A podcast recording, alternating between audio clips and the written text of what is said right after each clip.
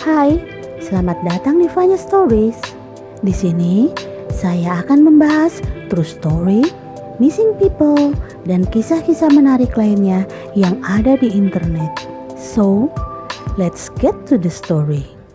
Lindsay Van Blanken lahir tanggal 26 Agustus 1985. Dia tinggal di pinggiran pantai Bronte di Jalan Carrington. Ketika ada kesempatan untuk melamar pekerjaan impiannya di Disney sebagai kartunis, you know, ratusan orang juga melamar posisi ini. Lindsay yang mendapatkannya, padahal dia baru berusia 18 tahun. Tidak diragukan lagi, dia memiliki bakat yang luar biasa di bidangnya. Sejak Agustus 2003, Lindsay mulai bekerja di studio Disney Toon di Haymarket. Lindsay berkontribusi pada satu film berjudul Mickey Donald Goofy The Three Musketeers. Di waktu senggang, dia menikmati bermain game online dan bergaul dengan pacarnya selama tiga tahun, William Harold Matheson atau Will 21 tahun. Lindsay bertemu Will tahun 2001 di acara pernikahan ibunya Cynthia yang menikahi Dave Pleasant. Di pernikahan ini ada Ben, Will adalah pemain cello.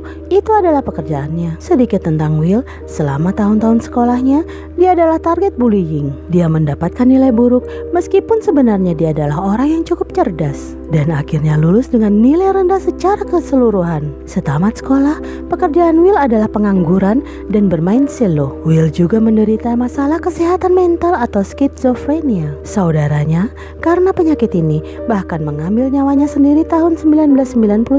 Hobi Will adalah bermain dengan kucing dan tikus peliharaannya, mendengarkan musik heavy metal, dan menikmati membaca komik kesayangannya, Johnny the Homicidal Maniac. Lindsay sebenarnya adalah pacar pertama Will Will, tetapi Will tidak mau menganggapnya sebagai pacaran meskipun mereka intim. Orang-orang di sekitar Lindsay dapat melihat bagaimana Will sangat mengontrol dan posesif padanya. Pada tahun 2002, Lindsay menjalin persahabatan dengan seorang anak laki-laki yang dia temui di game online. Brandon Leonard berusia 22 tahun yang merupakan penata rambut di Seattle, Amerika Serikat. Mereka sering ngobrol di email dan pesan. Brandon berkata cukup lucu karena mereka belum pernah bertemu. Brandon awalnya mengira Lindsay adalah adalah anak laki-laki sampai mereka memutuskan untuk melakukan obrolan video. Brandon terkejut melihat wajah seorang gadis yang sangat cantik muncul di layar di depannya. Jadi persahabatan online mereka perlahan mulai berkembang menjadi sebuah hubungan. Tahun 2003, hubungan mereka menjadi sangat serius sehingga mereka saling menganggap pacaran.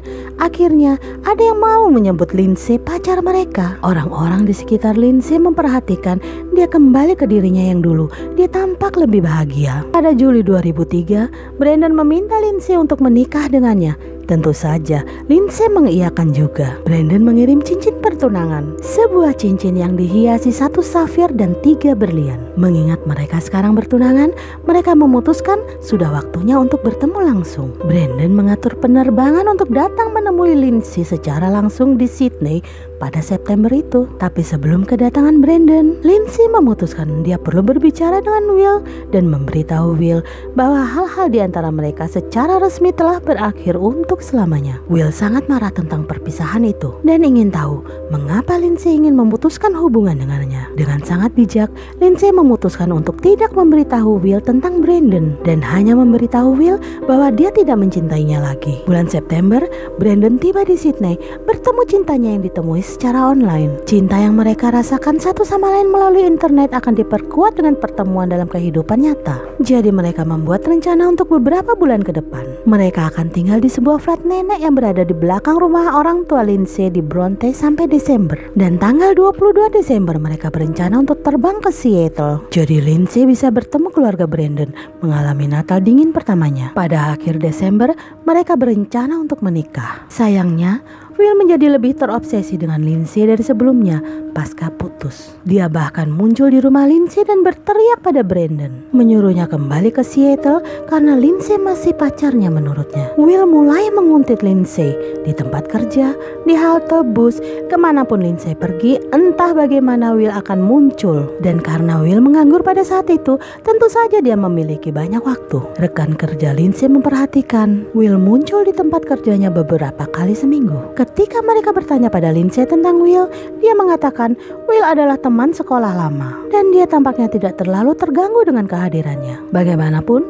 penguntitan terus berlanjut dan tidak pernah berhenti sampai hari Lindsay lenyap. Senin, 24 November 2003, seperti biasanya, Lindsay berangkat kerja ke Disney pagi itu, naik kereta dan tiba sekitar jam 5.30. Dari sana dia naik kereta lagi untuk pulang ke persimpangan Bondi yang tiba sekitar jam 6 sore yang dapat dikonfirmasi dengan rekaman CCTV. Namun setelah titik di mana dia menghilang dari CCTV, Lindsay Van Branken tidak pernah terlihat atau terdengar lagi. Brandon telah menunggu Lindsay yang biasanya tiba di rumah pukul 6.30. Jadi ketika Lindsay tidak muncul, Brandon menjadi sangat khawatir karena itu benar-benar di luar karakter Lindsay. Brandon mencoba menelpon ponsel Lindsay, Nokia 5510, tapi teleponnya dimatikan. Dengan berlalunya waktu, Brandon menjadi sangat khawatir dan dia memberitahu keluarga Lindsay apa yang terjadi. Mereka segera menelpon polisi untuk melaporkan sebagai orang hilang. Ibunya, Cynthia berpikir mungkin Lindsay stres akibat perilaku Will. Acara pertunangan, rencana pernikahan, dan perjalanan yang akan datang. Semuanya menjadi terlalu berlebihan bagi Lindsay dan dia hanya butuh istirahat. Tapi di sisi lain, dia mencintai pekerjaannya dan tunangannya dan secara tidak ada yang percaya bahwa dia akan meninggalkan semuanya. Rekening Lindsay juga belum disentuh sejak hari dia menghilang dan teleponnya tetap mati. Cynthia membuat permohonan publik bahwa jika Lindsay ada di luar sana, tidak ada yang marah padanya dan semua orang sangat ingin dia kembali. Tapi Cynthia tidak menerima tanggapan seiring berjalannya waktu. Penyelidikan mulai condong pada Brandon dan Will. Will adalah mantan pacar yang sangat marah dan menjadi penguntit dan Brandon tunangan daring yang baru saja terbang dari Amerika ke Sydney. Tentu saja keduanya menyangkal keterlibatan apa pun dan memberikan alibi pada polisi. Jadi, mari kita mulai dengan Brandon Leona terlebih dahulu. Dia benar-benar tidak memiliki banyak kantongan dari membunuh Lindsay. Mereka belum menikah. Apakah dia benar-benar terbang ke belahan dunia lain untuk melakukan sesuatu kepada gadis yang dia temui di internet ini? Dia ada di rumah Lindsay saat Lindsay menghilang dan ini dikonfirmasi oleh keluarga Lindsay. Sekarang Will, Will yang sangat marah karena putusnya mereka dan Will yang telah mengintai Lindsay selama berbulan-bulan. Will mengklaim melihat Lindsay tidak hanya sekali, tapi dua kali pada hari dia menghilang. Sekali di tempat kerjanya sekitar jam makan siang dan sekali di persimpangan Bondi setelah dia turun dari kereta. Tetapi seorang kolega Disney memberitahu pada para penyelidik bahwa hari itu dia melihat Lindsay sekitar jam makan siang melakukan sesuatu yang tampak seperti konfrontasi atau perselisihan dengan laki-laki. Tentang apa yang mereka bicarakan sampai hari ini tidak diketahui. Dan laki-laki ini kemudian diidentifikasi oleh saksi sebagai Will Matheson. Will mengklaim bertemu Lindsay di persembahan Bondi itu hanya kebetulan karena dia tinggal di dekat tempat itu.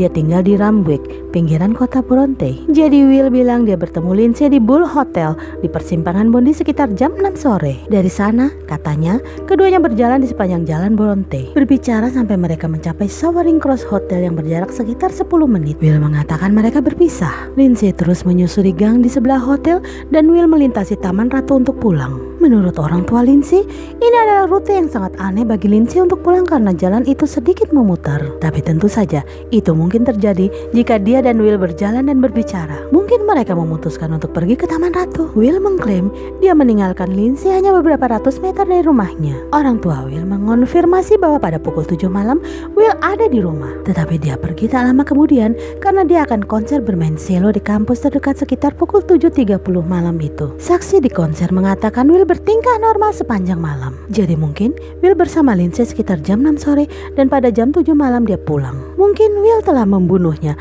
dan membuang tubuhnya dalam satu jam. Ada satu hal yang sangat dicurigai penyelidik. Ada luka goresan di tubuh Will, tetapi dia mengklaim goresan ini berasal dari kucing dan tikus peliharaannya. Tapi polisi tidak yakin. Sebagai bagian dari penyelidikan, polisi membuat video reka ulang Lindsay pada hari dia hilang dalam upaya membangkitkan ingatan publik, terutama jika ada di antara orang-orang itu yang melihatnya bersama Will. Tetapi tidak ada petunjuk berguna yang datang.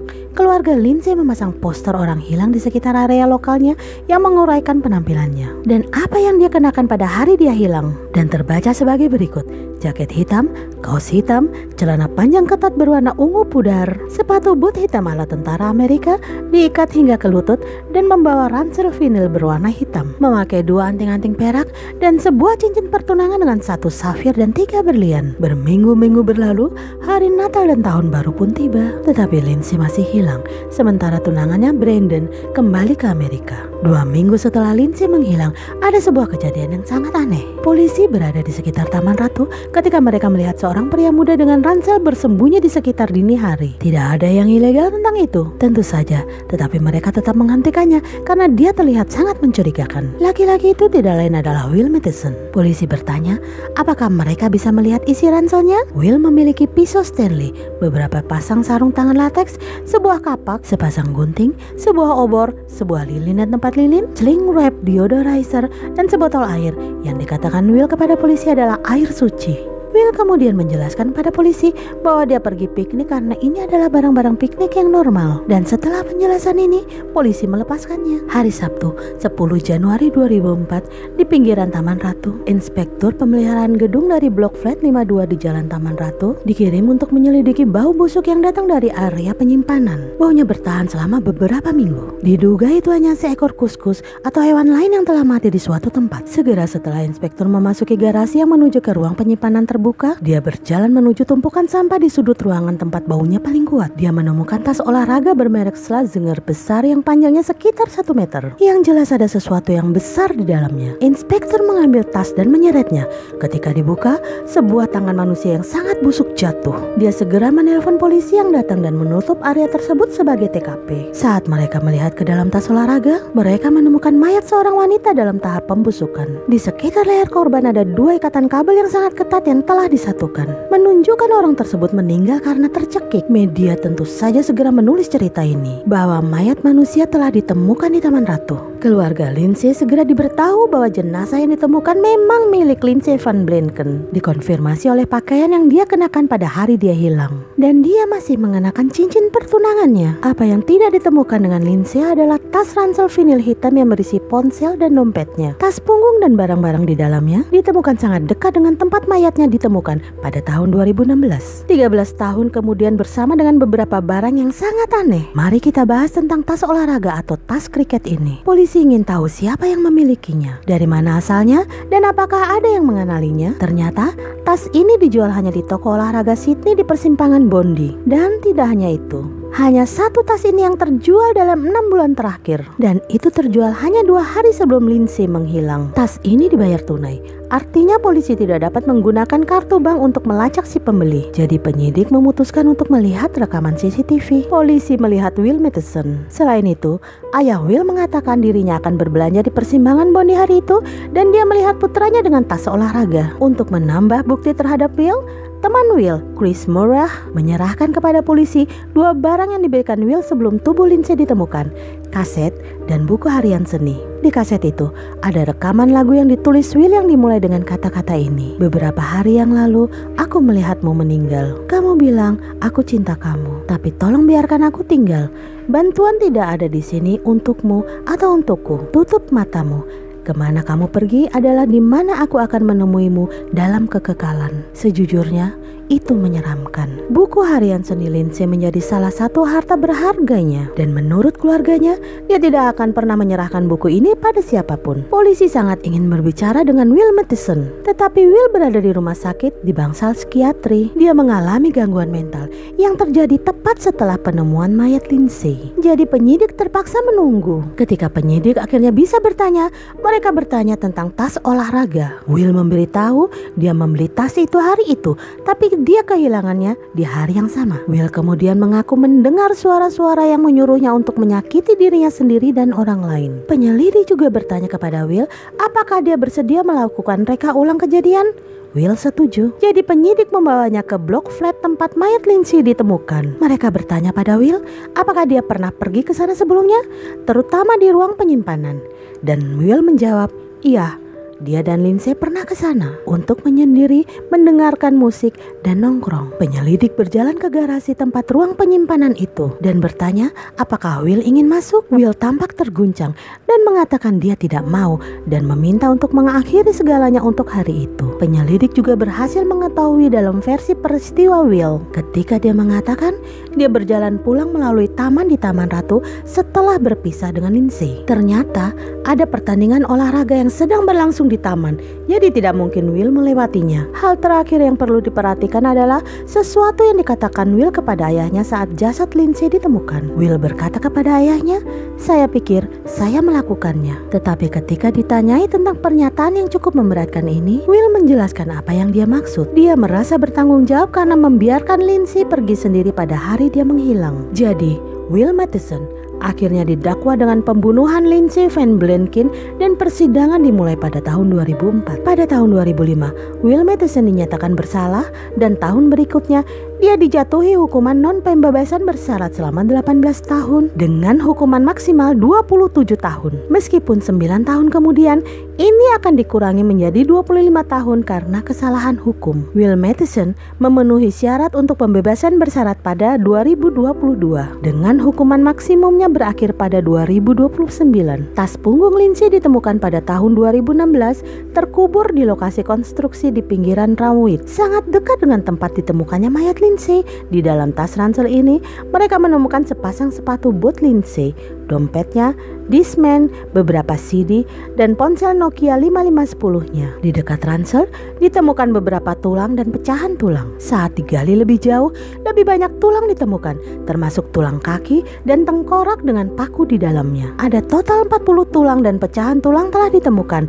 12 di antaranya adalah manusia dan sisanya adalah tulang hewan. Petugas koroner negara bagian menyimpulkan ada sebanyak 11 tulang manusia dengan minimal dua wanita for joining. Jika Anda suka, jangan lupa untuk subscribe, like, dan share ke teman-teman. Sampai jumpa di cerita berikutnya. Bye-bye. with